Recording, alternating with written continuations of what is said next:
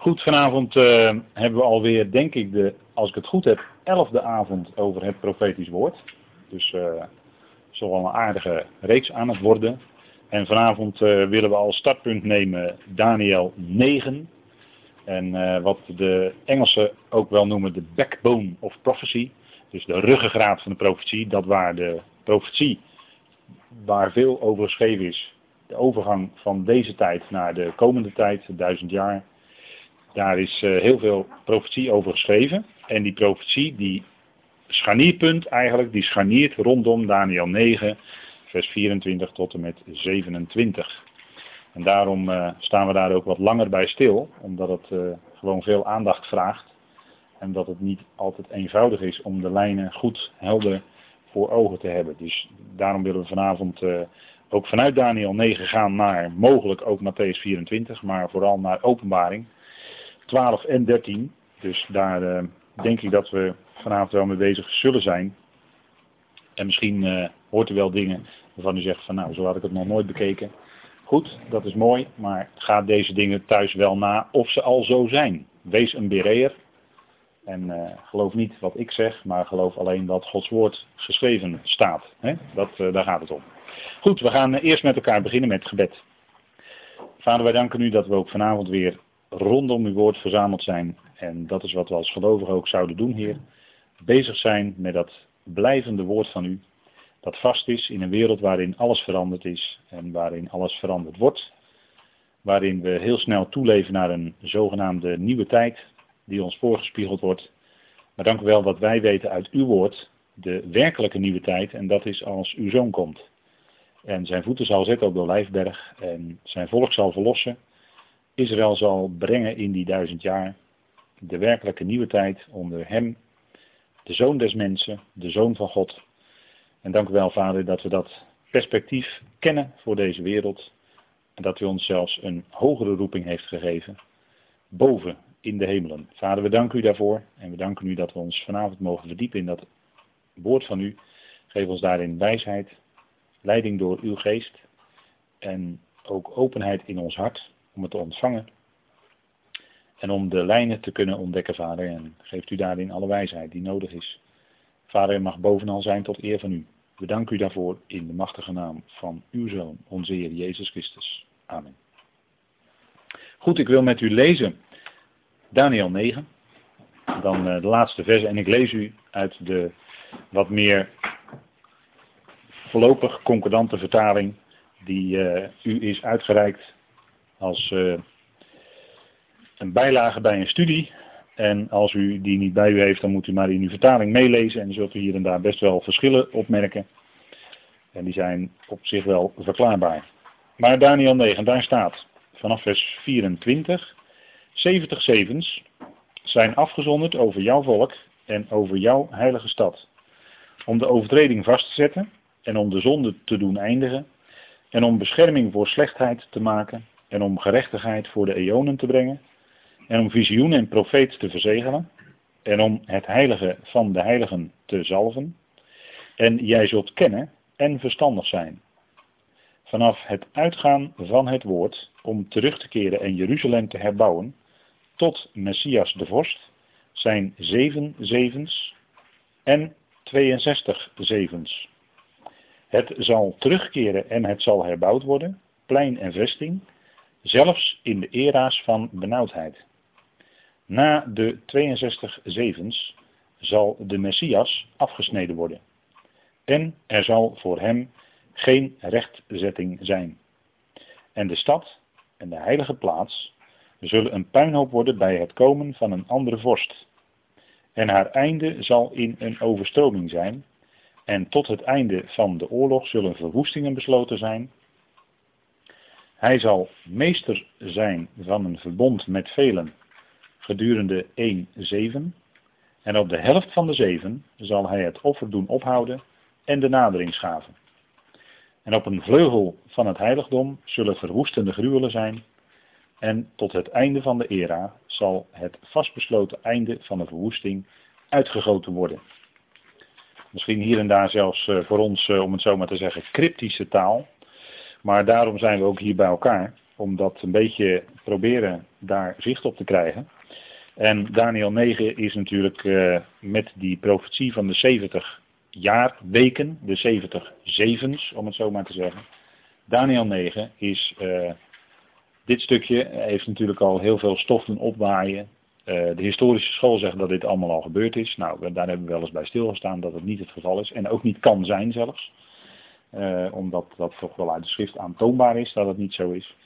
Um, dit is natuurlijk uh, datgene wat gaat gebeuren. Er is nog één zeven te gaan. Dat is het punt. En wij geloven dan ook in een toekomstige vervulling van die laatste zeven. Het einde van de 69 zevens was op de tiende Nisan toen de Heer Jezus over de Olijfberg trok. En toen stopte dus die 69ste week, toen waren die 69 weken vol. En hij werd gekruisigd op de 14e Nisan. Dus strikt genomen behoort zijn kruisiging en zijn opstanding niet tot de 70 zevens. Dat valt daarbuiten. Dat hoort eigenlijk bij de verborgenheid in zekere zin. Of het geheimenis kan ook. Kunt u dat ook noemen. En als ik zeg eh, de verborgenheid of het geheimenis, dan bedoel ik deze periode die in de profetieën van het Oude Testament niet openlijk is aangekondigd. Achteraf wel terug te vinden in de typologie, maar is niet rechtstreeks aangekondigd. Deze verborgenheid werd pas, als ik het heel grofweg zeg, in het Nieuwe Testament geopenbaard. En de verborgenheid, of het geheimenis als het gaat om de gemeente, het lichaam van Christus, werd door de apostel Paulus geopenbaard. En dat is ook waar hij op doelt, bijvoorbeeld in 1 Timotheus 2, als hij zegt dat hij de, onder de Corinthiërs de wijsheid die verborgen was van voor de tijdperken niet kon openbaren. Of voor de eeuwen staat er dan in, soms in een vertaling, maar het is eigenlijk voor de eonen. er staat echt voor de tijdperken, de eonen. Nou goed, dat even terzijde.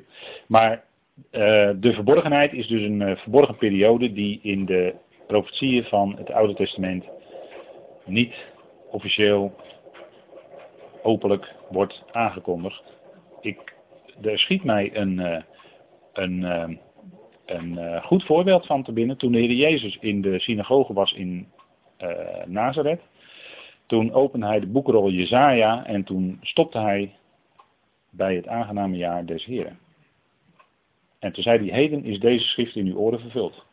En hij ging zitten. En hij werd toen vervolgens bijna van de berg afgegooid. Want de profeet is in zijn eigen vaderstad niet geëerd, zoals u weet. En daar hebben we dus een heel belangrijk punt. Hij stopte daar met lezen. Hij las niet uit Jezaja 61 het jaar der wraken van onze God.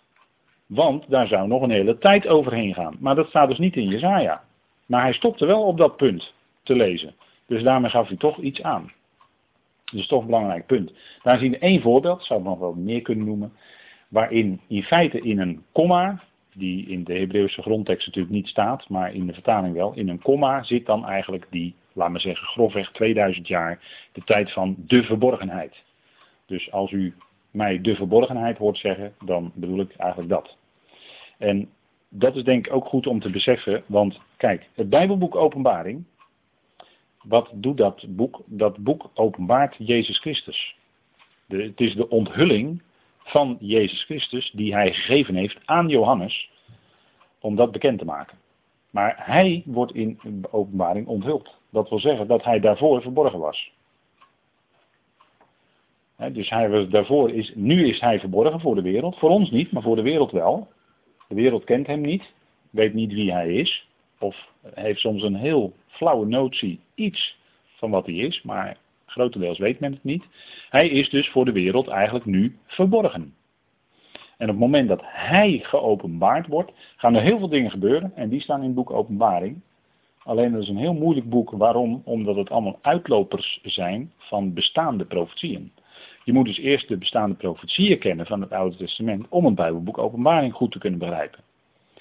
En dan verzeker ik u dat het achteraf niet heel erg moeilijk meer is. Maar als je zo openbaring gaat lezen, dan kom je er nooit uit. Want dan begrijp je de beelden niet die daarin genoemd worden. Je begrijpt niet wat erachter zit aan profetie. En dan kom je er niet uit. En daarom zijn er ook boekenkasten vol commentaren op openbaring geschreven. Met soms de meest wonderlijke uitleggingen. Waar je echt denkt van nou, hoe komt men daaraan? Maar goed, dat is uh, omdat men het gewoon niet kon begrijpen. Dat is uh, ja, onkunde in zekere zin. Maar onkunde omdat het, het verstand en het hart er niet voor geopend was. Want dat moet ook gebeuren. dus dat, is helemaal geen verwijt aan niemands adres. Maar het moet je geopenbaard worden. En dat kan alleen maar door de schriften heen. Nou, goed, dat even uh, als, als tussenopmerking. Maar Daniel 9, die spreekt over die laatste week van die 70, die laatste zeven jaren. Zeven jaren gaat het dan om. En in die zeven jaar, eh, dat, dat is eigenlijk het, het brandpunt, daar wordt Israël, zal een hevige verdrukking ondergaan die in de Bijbel ook wel wordt genoemd de benauwdheid van Jacob. Nou, dat is ook niets te veel gezegd. En daarin zal de mensheid tot een, ja, wat moet ik zeggen, een hoogtepunt of een dieptepunt komen in de aanbidding van het beest. En met het zeggen van het beest, dan kunt u vragen welk beest bedoel je dan? Uit openbaring 13, want daar worden er twee genoemd. En wat wordt er dan precies met het beest bedoeld? Nou, dus dat is ook een lastige vraag. Maar die wordt daar geopenbaard en de antichrist, of de wetteloze, wie dat dan ook maar zijn, die zullen dan de aanbidding voor zich opeisen. En in hen aanbidt dan de mensheid de draak, de vuurrode draak, die in uh, openbaring zo genoemd wordt. Maar dat is niemand anders dan de oude slang, de Satan, de Diabolos, dat is allemaal hetzelfde, de rode, vuurrode draak. Maar het is, heeft allemaal andere typeringen. Nou, dus dat beest, het zal dan aanbeden worden. Paulus zegt daar ook iets over in 2 Thessalonicense 2. Maar we zien dus dat in Daniel 9 staat, en dan begin ik weer even met u te lezen in vers 26. Na de 62 zevens zal de Messias afgesneden worden en er zal voor hem geen rechtzetting zijn. En dan volg ik de concordante vertaling. Maar het woord recht of rechtzetting komt uit de Septuagint. Dat zeg ik er even gelijk bij. Want de Septuagint is nogal eens eh, meegenomen in de concordante vertaling. Waarom? Omdat de Septuagint in het algemeen teruggaat op een hele oude Hebreeuwse tekst. En uh, daarin zitten dan toch bepaalde aanwijzingen, die dan door broeder nog zijn meegenomen in de concordante tekst. Maar uh, als u een Engelse concordante vertaling heeft, dan zult u dat ook keurig netjes aangegeven zien door middel van een zeventje en een nulletje.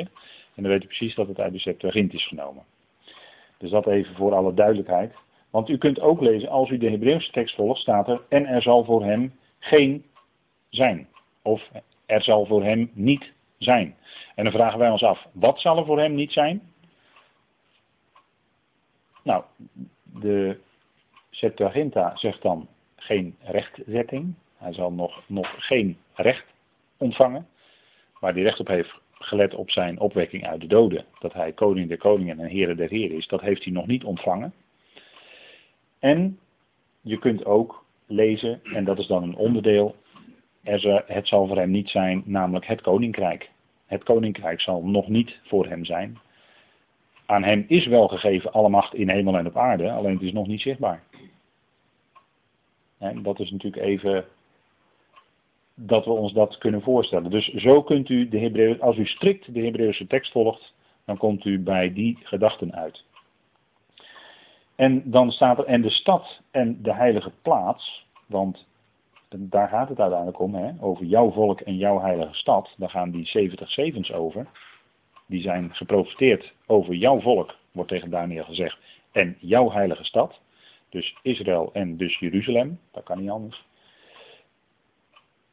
En dan staat er, en de stad en de heilige of de heilige plaats zullen een puinhoop worden bij het komen van een andere vorst. Dus eerst komt Messias de vorst, die, zal, die werd afgesneden, na 69 weken. Hij werd gekruisigd en hij is opgewekt, maar hij is naar de hemel gevaren. Dus hij werd afgesneden. En dan komt er een andere vorst. En dan staat er en haar einde, dus het einde van Jeruzalem, zal in een overstroming zijn. En tot het einde van de oorlog zullen verwoestingen besloten zijn. Dus de boodschap over jouw heilige stad is dat er verwoestingen zullen zijn. Dat is de boodschap. En dat is geen positieve boodschap, zult u zeggen. Nee, maar het staat er wel. En het oordeel, hebben we al vaker opgemerkt, het oordeel of het gericht moet komen. Waarom? Omdat Israël in het land terug is, op grond van de Balfour Declaration hè, uit 1917, opgesteld door de Engelse Lord Balfour, dat was ook een Jood, en die daar op grond daarvan werd aan Israël een thuisland beloofd in Palestina. Palestina dat op dit moment grotendeels opgekocht is, die grond, door de Rothschilds. Palestina is qua grondgebied grotendeels van de Rothschilds eigendom. En ja, zo is dat. Ja, ja, ja. En de Zionisten, de Zionistische beweging, die heeft ervoor gezorgd dat na de Tweede Wereldoorlog er dus een Joodse staat kwam in Palestina. Maar deze Joodse staat, vanuit, vooral vanuit de leiding, de dagelijkse regering, is ongelovig. Ik zou het nog veel erger kunnen zeggen, maar laat ik maar bijhouden dat het ongelovig is. En daar moet een gericht van God op komen, want in het verleden zijn onder dezelfde omstandigheden, is Jeruzalem ook verwoest en is het Joodse volk onder uh, koning Zedekia uiteindelijk ook weggevoerd uit Jeruzalem. Maar dat hebben we al eerder gezegd. Hè? Dus dezelfde omstandigheden, dan, dan krijg je op een gegeven moment hetzelfde gericht. Dus dan krijg je verwoestingen en ballingschap, deportatie. En dat is in het verleden al gebeurd met de tien en de twee stammen. En dat zal weer gaan gebeuren. Dus de boodschap is dan voor Jeruzalem, als het ongelovig is, verwoestingen. En dat is wat hier staat. En haar einde zal in een overstroming zijn. Tot het einde van de oorlog zullen verwoestingen besloten zijn. Want officieel is de Joodse staat vandaag aan de dag met heel wat Arabische landen in oorlog. Er is weliswaar wapenstilstand, maar er is wel degelijk een officiële situatie van oorlog. Vergeten we wel eens. Maar dat is wel zo. Ze leven officieel in oorlog. En dat zal alleen maar erger worden, de druk zal alleen maar groter worden op dat volk. En dat zal onder leiding dus van een andere vorst zijn. Nou, die andere vorst, dat zal vermoedelijk zijn de wetteloze. Waar Paulus over spreekt in uh, 2 Thessalonicense 2, de wetteloze. En die zal uh, komen en dat zal gepaard gaan met tekenen en wonderen. En misschien kunnen we dat toch heel even lezen. Uh, de wetteloze. En dat is dan ook die sterke, die sterke, hè, of die meester van het verbond. Maar daarover dadelijk wat meer. Vers 27. Uh, 2 Thessalonicense 2. Daar gaan we even naartoe. 2 Thessalonicenzen 2.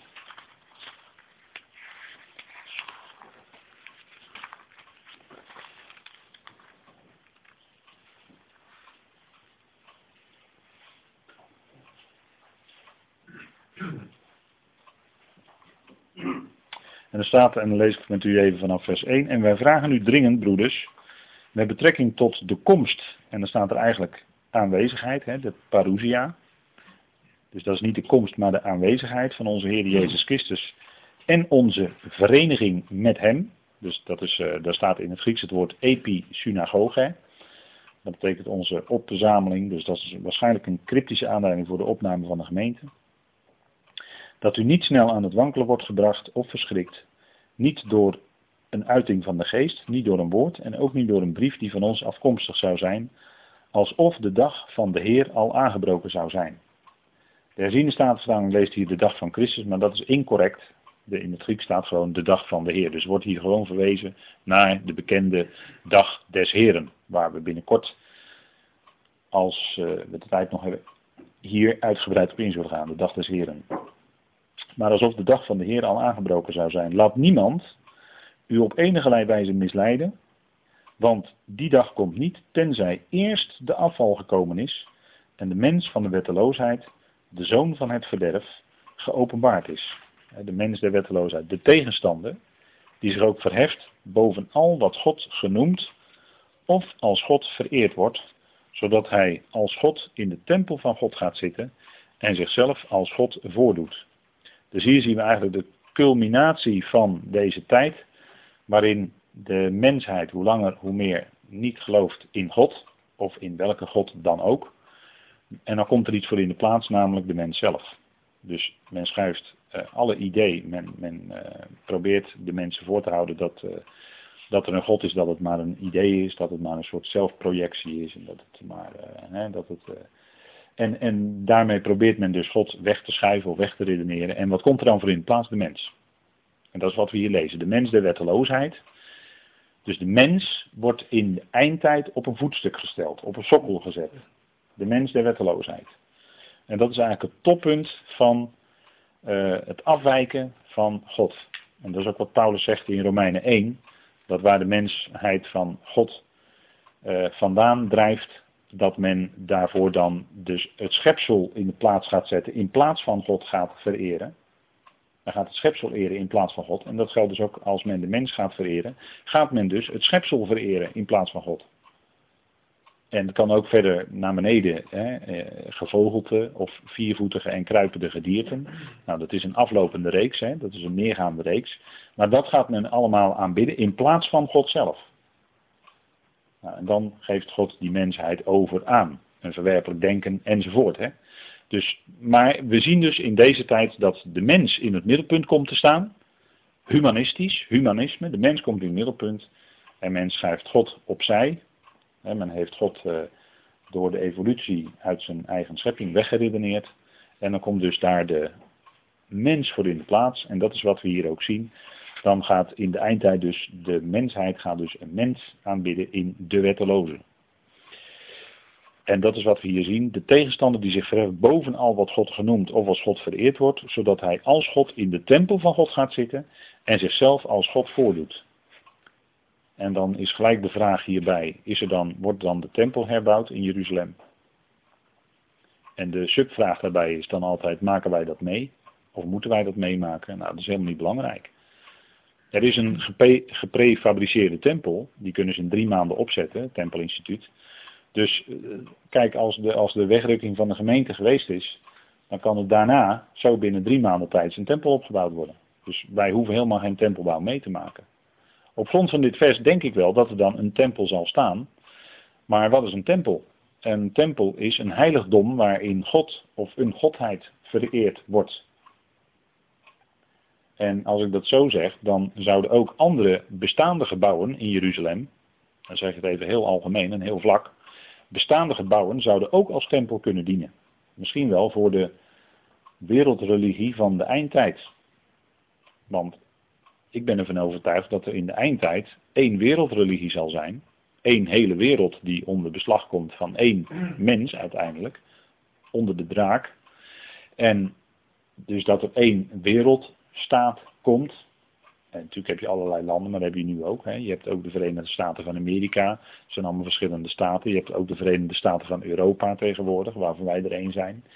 En, en zo, hè, maar dat is wel dan één, want het moet één Europa zijn en het moet één Amerika zijn. Zo zal het ook één wereld zijn waarin al die landen, nou, in de, in de Verenigde Naties, hè, de natieën verenigen zich. En dat staat in Psalm 2 geloof ik. Hè. De natieën verenigen zich en lopen te hoop tegen de Heer en tegen zijn gezalfde. Psalm 2. Er was bij stilgestaan. Hè? De natieën verenigden zich. En wij hebben de Verenigde Naties als, als instituut. Dan ziet u dus dat daarin toch wel iets eh, duidelijk wordt. Hè? Dus dan is er één wereld. En straks wordt ook verplicht één wereldreligie. En die zal erop uitlopen dat men de wetteloze zal gaan aanbidden. De mens der wetteloosheid. Nou, dat is wat Paulus hier zegt. Hè? Dus die tempel gods, dat uh, kan een heiligdom dus zijn wat nog opgebouwd gaat worden. Maar het kan ook een bestaand gebouw zijn wat men gaat gebruiken. En dan wordt de mensheid zodanig gemanipuleerd dat men uh, in de veronderstelling is dat men uh, de enige ware aanbidt. Maar goed, dat is niet uh, het ware licht, maar dat is een heel ander licht. Namelijk dat van Lucifer. Herinnert u zich niet dat ik u deze dingen zei toen ik nog bij u was? En u weet wat hem nu weerhoudt, omdat hij op zijn eigen tijd geopenbaard wordt. De weerhouder, dat is de volgende vraag. Wie is, wie of wat is de weerhouder? Nou, gelet, gelet op het tekstverband kunnen we eigenlijk hier niets anders dan concluderen dat dat de gemeente het lichaam van Christus is. Niet omdat wij met z'n allen als leden van het lichaam zo ernstig bezig zijn om dingen tegen te houden, want ik denk dat wij dat niet kunnen. Maar wij worden simpelweg de weerhouder genoemd, omdat zolang wij nog op aarde zijn, die wetteloze niet die wereldmacht in handen kan krijgen. En op het moment dat God ons weggerukt heeft, dan is dus de weerhouder weg. Want God plaatst die gemeente nog steeds als weerhouder. En dan is de weerhouder weg en dan kan de afval en, en de dwaling enzovoort kan doorgaan breken. En dat, en dat heeft natuurlijk alles te maken met wat we in de openbaring lezen, maar daar komen we nog op. Want, staat er, het geheimenis van de wetteloosheid, zegt Paulus, is al werkzaam. Het is een verborgen kracht die ondergronds al die tijd en toen al aan het werk was, maar al die tijd bezig is geweest en vandaag steeds meer zichtbaar wordt. En dat is het geheimenis van de wetteloosheid, of de verborgenheid van de wetteloosheid. Dat we zeggen, wetteloosheid is a, nomos in het Grieks en betekent zonder wet. En dat is ook wat de wetteloze zal zijn. Hij zal zich helemaal niets aantrekken van wetten of wat dan ook. Hij zal gewoon daarboven staan. Nou, alleen is er iemand die hem nu weerhoudt totdat hij uit het midden verdwenen is. Nou, dat is de wegrukking van de gemeente, hè? totdat wij uit het midden verdwenen zijn. En dan staat er, en dan zal de wetteloze geopenbaard worden. En de Heere zal hem verteren door de geest van zijn mond en hem teniet doen door, bij, door de verschijning bij zijn komst. Dus door de verschijning, dat is zijn epifania, ook een bekend Grieks woord. Epifanie, epifania. De verschijning bij zijn parousia, dus bij zijn aanwezigheid. Hem, wiens komst, dus wiens aanwezigheid, en hier gaat het dan weer over de aanwezigheid van de wetteloze dus hier worden twee aanwezigheden tegenover elkaar gesteld, namelijk die van Christus en die van de wetteloze. Dus wiens komst, wiens parousia, dus die van de wetteloze, vers 9, overeenkomstig de werking van de tegenstander is, met allerlei kracht, tekenen en wonderen van de leugen, en met allerlei misleiding van de ongerechtigheid in hen die verloren gaan, omdat zij de liefde van de waarheid niet aangenomen hebben om gered te worden. En daarom zal God hun een krachtige dwaling zenden, zodat zij de leugen geloven. En dat is wat ook dan gaat gebeuren. Hè? Maar u ziet de volgorde. Eerst in vers 8 staat dat de weerhouder wordt, uit het midden wordt weggenomen. De wegrukking van de gemeente. Dan is de weerhouder weg. En dan gaat alles doorbreken. Dan gaat alles doorbreken. Dus dan gaat die wetteloze aan de macht komen. Door middel van krachten, tekenen en wonderen misleidt hij dan de mensheid. En in deze tijd is dat een koud kunstje, denk ik wel eens. Om mensen op eenvoudige wijze te misleiden. Dat gebeurt uh, dagelijks. En dan als, bovendien als ze nog krachten en tekenen en wonderen die dan er bovennatuurlijk uitzien, nou, dan heb je helemaal alles uh, achter je aan. Hè? En dat zal dan helemaal erg zijn. Dus met allerlei, vers 10 wordt ook toegelicht, het is allerlei misleiding. Dus vandaag de dag als iemand ook uh, onder een christelijke noemer um, tekenen en wonderen doet, dan uh, wees dan maar zeer sceptisch, want uh, je hebt een dikke kans dat het geen zuivere koffie is. Dat, uh, en we drinken graag zuivere koffie, denk ik. U en ik. Nou, laten we daar dan bij houden. Dus, en dan zal God hun een krachtige dwaling zenden, zodat zij de leugen geloven. De afval. Paulus had in vers 2 gezegd dat de afval pas kan komen uh, sorry, vers 3, dat de afval pas kan komen. Of dat, dat die afval eerst moet komen en pas daarna de dag des Heren komt. want bij de komst van de dag des Heren, in het komen van de dag des Heren, dan komen er allerlei gerichten. De dag des Heren zelf, dan zijn alle gerichten voorbij. Als de dag des Heren is, echt is aangebroken, dan zijn de gerichten voorbij. Maar bij het komen van de dag des Heren, dan vinden allerlei gerichte plaats. En daarom zegt Paulus, eerst moet de afval komen en pas daarna begint de dag des Heren. En die afval die zal ook plaatsvinden in die laatste zeven jaar, dus die laatste jaarweek van Daniel 9. In die periode vindt de grote afval plaats. Afval van wat? Nou, afval van God en dus ook van zijn woord. En we zien daar in uh, onze tijd al schrikbarende contouren van ook in ons landje, waar een dominee beweert uh, niet te geloven in God, uh, maar een dominee die beweert zelf atheïst te zijn. Nou, dan vraag ik me af wat hij op de kansel doet. Heeft hij niks te zoeken dan. Ja, dat is hard gezegd hoor, dat weet ik wel. Maar dat meen ik echt voor de volle 100%. Als jij jezelf een atheïstische dominee noemt, dan heb je op de kansel helemaal niets te zoeken. Maar dan ook echt helemaal niets. En dan moet je je Bijbel ook weggooien. Want dat is Gods woord. Ja, toch? Dus zo ernstig is het wel. En er is ook een theoloog die gelooft ook niet in God. Hè? Dat is dokter Harry Kuitert. Bij velen denk ik wel bekend. En die heeft dus veel dominees opgeleid. Hè? Moet u zich wel realiseren dat dat dus een man is, die professor geweest. En die heeft dus veel dominees opgeleid. En dus met die dominees zijn ongeloof gedebiteerd. Dat moet dus, en die dominees staan dus nu allemaal op de kansels overal, in de PKN met name. Zo werkt dat, hè? Dus moet u even nagaan wat er dus gebeurt. Nou, dus, maar dat, aan de andere kant, dat is de ernst van de situatie, dat is heel ernstig vind ik. Maar aan de andere kant moet dat ook gebeuren. Het is geprofiteerd. Dat is wat Paulus zegt. Dus we zien in onze tijd al, al, al dat is al eigenlijk al, al honderden jaren aan de gang, zien we dus de afval van het geloof. Zegt Paulus ook in 1 Timotheüs 4. De laatste dagen zullen de mensen afvallen, dat we zeggen, zullen afstand nemen van het geloof. Wat is het geloof? Nou, gewoon de belofte van God geloven. Gewoon God geloven, dat is het geloof. Dat is ook het geloof van Jezus Christus, want die geloofde ook alle beloften van God. Daar beefde die op. En dat geloof, dat hebben wij ook. De, de, het geloof is gewoon God geloven. Gewoon, gewoon geloven wat God zegt. Eigenlijk is het dan weer heel eenvoudig. Maar het wordt vaak zo moeilijk gemaakt. Nou, en dat is wat we dus zien. En dat, we zien dus ook dat de wetteloosheid. Dat is ook door de Heer Jezus gezegd in Matthäus 24. Als de wetteloosheid toeneemt, zal de liefde van de meesten verkillen. En dat is ook wat we in onze tijd zien gebeuren. En dat is ook al jaren, jaren, jaren aan de gang.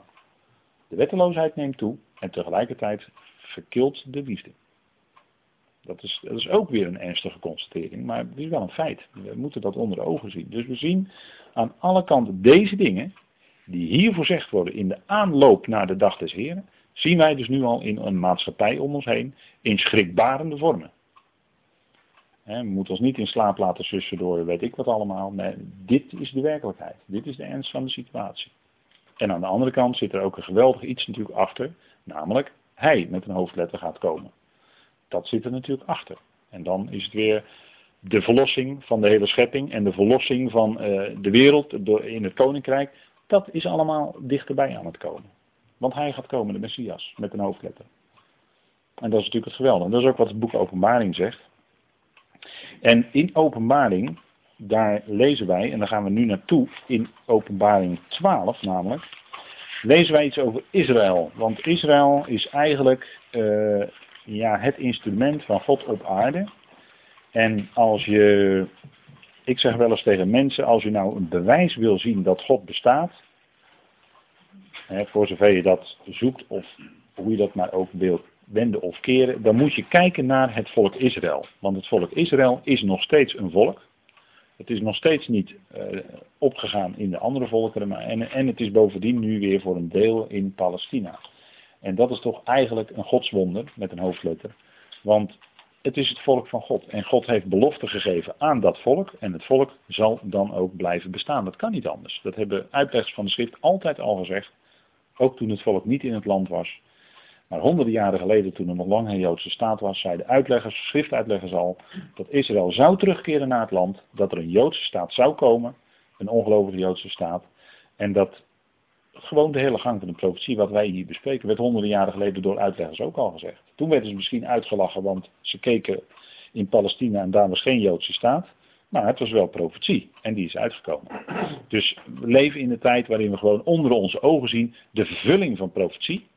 Dus als u een bewijs zoekt, dan vindt u dat daar. Of tenminste kunt u tegen andere mensen zeggen. van als die aan u vragen van ja, maar kun je nou bewijzen dat God bestaat? Nou, wil je een bewijs hebben, Kijk dan naar het volk Israël, want dat is toch wel een godswonder. Dus dat is een hint. Hè. Zou, als u met mensen in gesprek bent, zou u dat misschien eens kunnen aangeven. En misschien gaan mensen daardoor nadenken. Weten we niet, maar het zou kunnen. En wij zien in openbaring 12 dat volk Israël op twee manieren, en er staan ontzettend veel typen en beelden en symboliek in het boek openbaring, en dat maakt het ook zo moeilijk soms. Maar we zien het volk op twee manieren uitgebeeld, namelijk de trouwen onder Israël, die trouw zijn aan Yahweh en die gelovig zijn. En die ook in de Messias geloven, in Jezus geloven, als in Messias. En we zien daartegenover het ontrouwe Israël, of het afvallige Israël, dat Yahweh niet wil dienen, maar dat een verbond heeft gesloten met deze wereld, om het zo maar te zeggen, of met de volkeren van deze wereld, en ze in zekere zin zelfs bestuurt. En dat is een geheimenis, dat heet Babylon. dat weet u al genoeg, denk ik, bijna. Maar dat is het geheimenis Babylon. Maar er, staat, er komt ook nog een ander groot teken in de hemel voor. Dat staat ook in openbaring. En dan hebben we het over het trouwe Israël.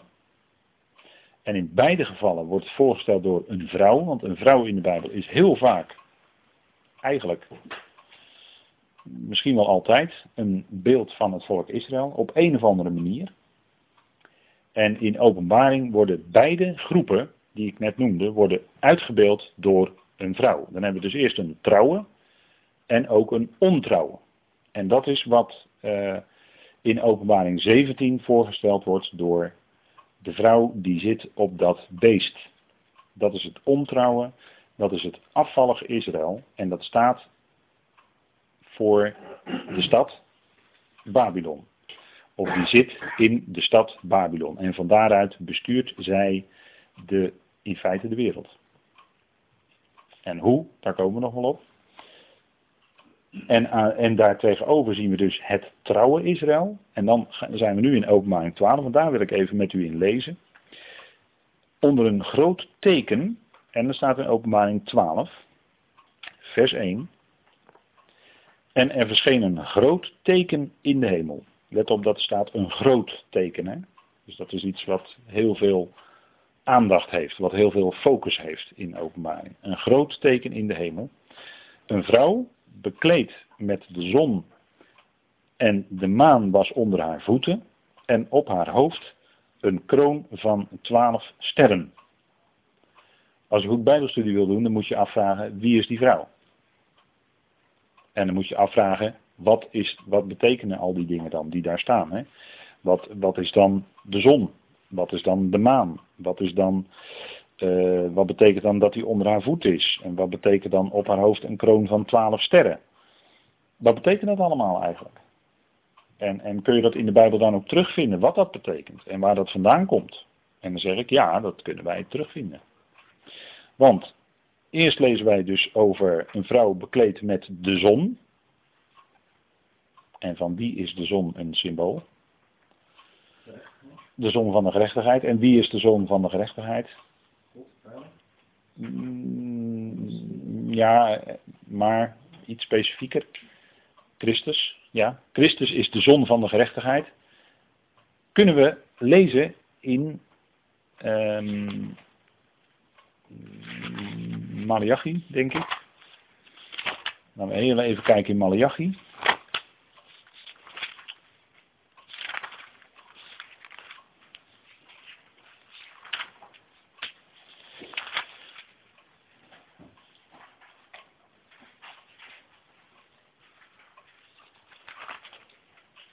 Ja, Malachi 4, vers 2.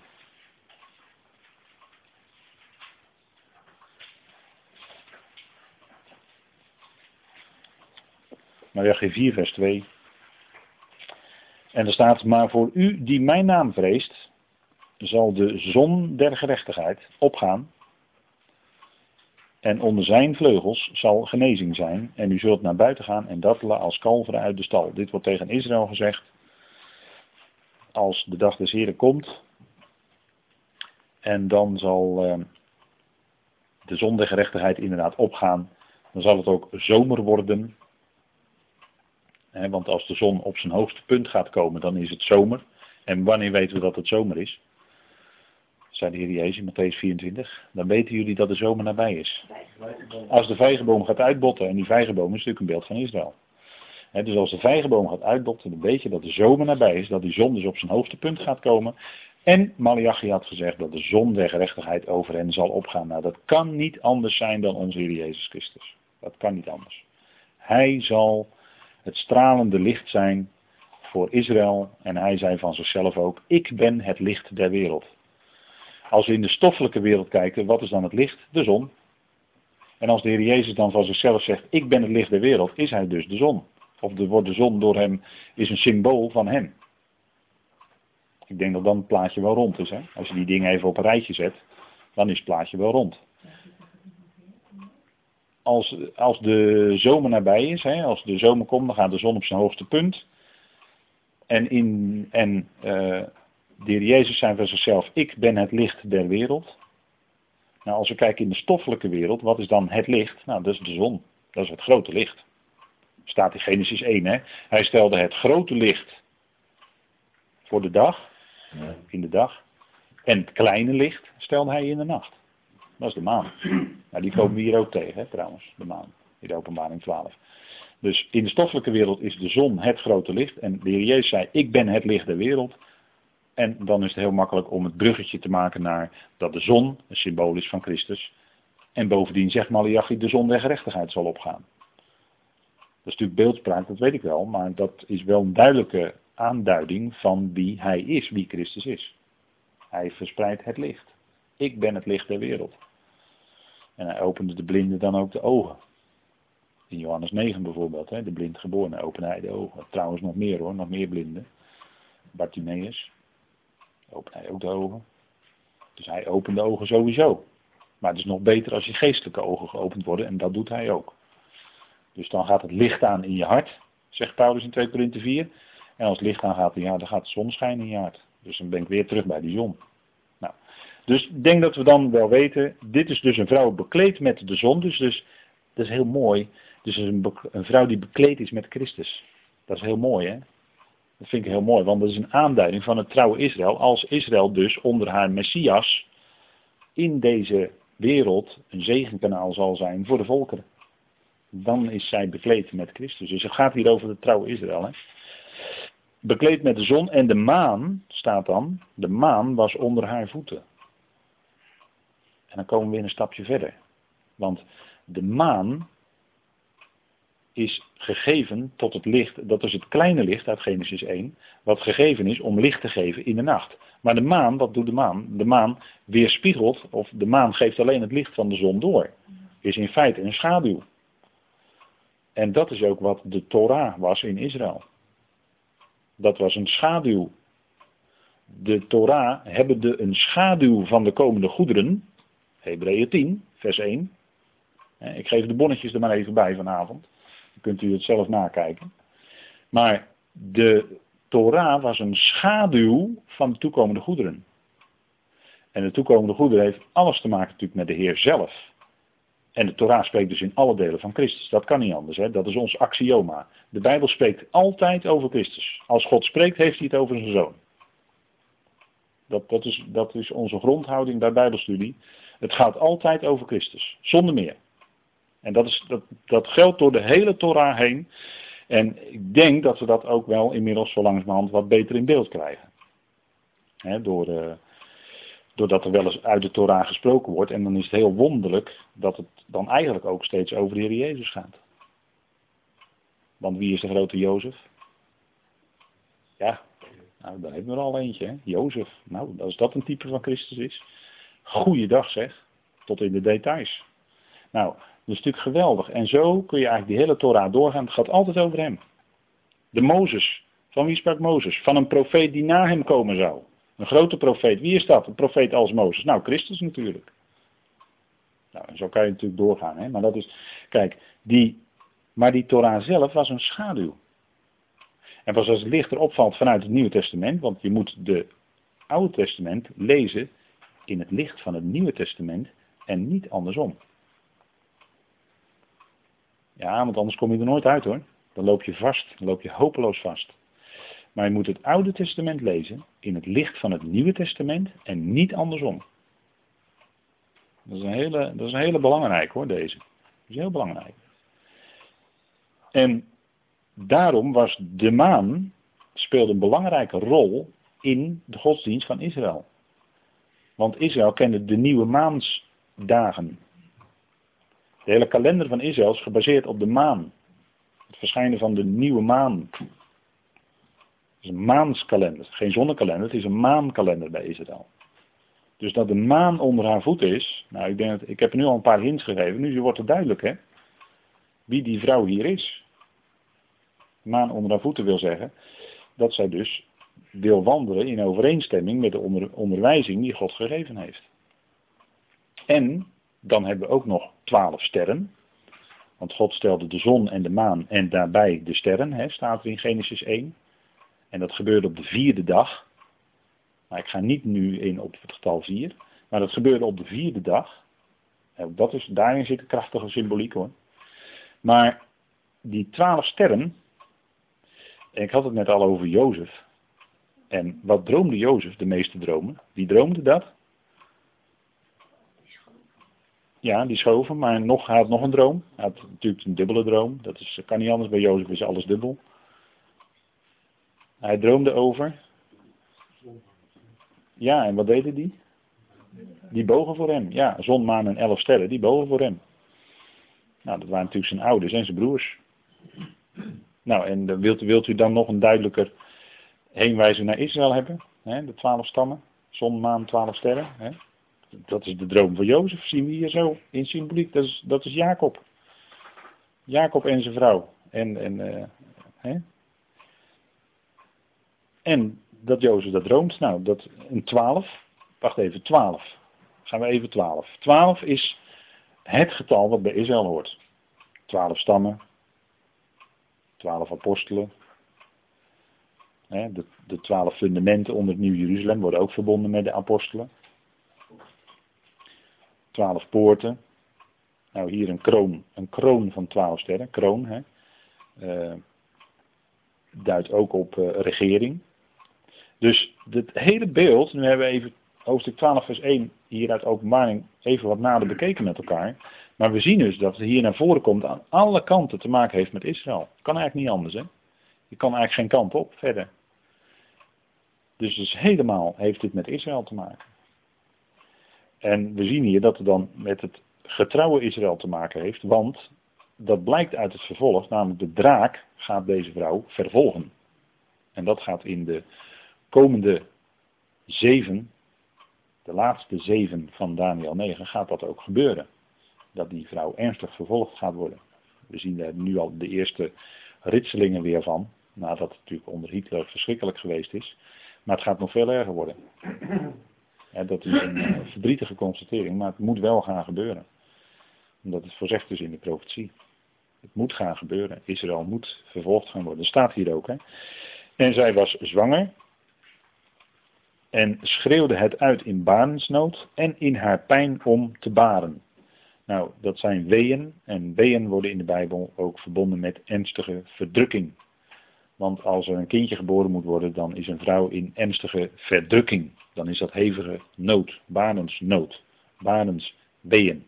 En dat is eigenlijk de, het, het, beeld wat gebruikt wordt hier om te illustreren hoezeer de getrouwen uit Israël zullen lijden en door verdrukking moeten gaan. Het zal een tijd zijn van grote verdrukking. En dan staat er, en er verscheen een ander teken, vers 3, in de hemel, en zie een grote vuurrode draak met zeven koppen en tien horens. En op zijn koppen zeven diademen. Staat er dan in de herziene staatvertaling voorkomen terecht, want het Griekse woord is diademata. Dus daar hoort u hetzelfde woord in terugkomen. Hè? Dus diademen is gewoon een letterlijke vertaling vanuit het Grieks. En zijn staart veegde het derde van de sterren van de hemel en wierp die op de aarde. En de draak stond voor de vrouw die op het punt stond te baren om haar kind te verslinden zodra het gebaard zou hebben. Dus dat getrouwe Israël, uit dat getrouwe Israël zal iets voortkomen, zal iets gebaard worden. Dan gaat het met hevige pijnen en, dus ernstige verdrukking gepaard. En dat is dan een kind. En ze baarden een zoon, een mannelijke, dat alle heidevolken zal hoeden met een ijzeren staf en haar kind werd weggerukt naar God en naar zijn troon. Goed, eh, dit is een uh, vers waarin uh, al heel veel is nagedacht van wie is nu precies die mannelijke zoon die hier gebaard wordt. Als wij dus zien dat deze zoon voortkomt uit Israël, uit het getrouwe Israël, dan moet het iets te maken hebben met de gelovigen uit Israël. Of trek ik nu een verkeerde conclusie? Het lijkt mij wel. Het lijkt dat we hier te maken moeten hebben met de gelovigen uit Israël. Zon, maan, twaalf sterren. Daar wordt die vrouw mee verbonden. Dus, en we hebben al gezien dat het alles te maken heeft met het volk Israël. En dus met het, trouwe Israël in dit geval. En zij baart en dan komt er een mannelijke zoon. En die wordt hevig vervolgd door de draak. Zo een kind van de. Jawel, jawel, maar de hoofdletters, daar moeten we niet op letten, want dat, dat, ja, dat, is toch een, dat hebben de vertalers natuurlijk aangegeven. En de vertalers die hebben natuurlijk ook hun interpretatie van wat zij meenden dat het zou zijn. Dus kijk, zij hebben waarschijnlijk dan gedacht aan de Heer Jezus, dat hij daarmee bedoeld zou worden. Maar dat blijkt eh, hier denk ik toch niet uit, omdat uh, uh, dit eigenlijk nog een, een, een, beeld is van de toekomst. Want die draak, die wordt zo genoemd in de eindtijd, wordt hij dus draak genoemd en heeft hij zeven koppen en tien horens. En die zeven koppen en tien horens die spelen natuurlijk op een andere manier, komen die ook terug in openbaring 13. En die zeven koppen tien horens heeft natuurlijk alles te maken met het laatste wereldrijk wat er zal zijn. Dus vandaar mogen we toch wel de conclusie trekken dat het hier gaat om de tijd van het einde. Het is hier ook de openbaring van Jezus Christus. En dat we zeggen de openbaring van zijn koningschap. Dat hij koning gaat worden. Koning der koningen en heren der heren. En dat hij zijn koningschap gaat ontvangen. En niet zozeer op zijn geboorte. Dus we hebben hier denk ik toch niet zoveel argumenten om te zeggen dat hier dat kind, of die mannelijke zoon, dat dat de Heer Jezus zou zijn. Uh, we gaan even kijken naar een andere tekst, want wat wordt er gezegd? Dat is ook belangrijk. Een mannelijke zoon dat alle heidevolken zal hoeden met een ijzeren staf. En er staat, en een kind werd weggerukt naar God en zijn troon. En dat kunnen we ook niet eens zeggen van de Heer Jezus, want die voer rustig op ten hemel vanaf de Olijfberg. Die werd niet weggerukt. Dat ging heel geleidelijk aan. Zijn discipelen konden dat met hun ogen volgen. En als het gaat om een wegrukking, gaat het veel met grote kracht en heel snel. Dus dan gaan we even kijken wat het nou betekent dat, hij, dat die mannelijke zoon de heidevolken zal hoeden met een ijzeren staf.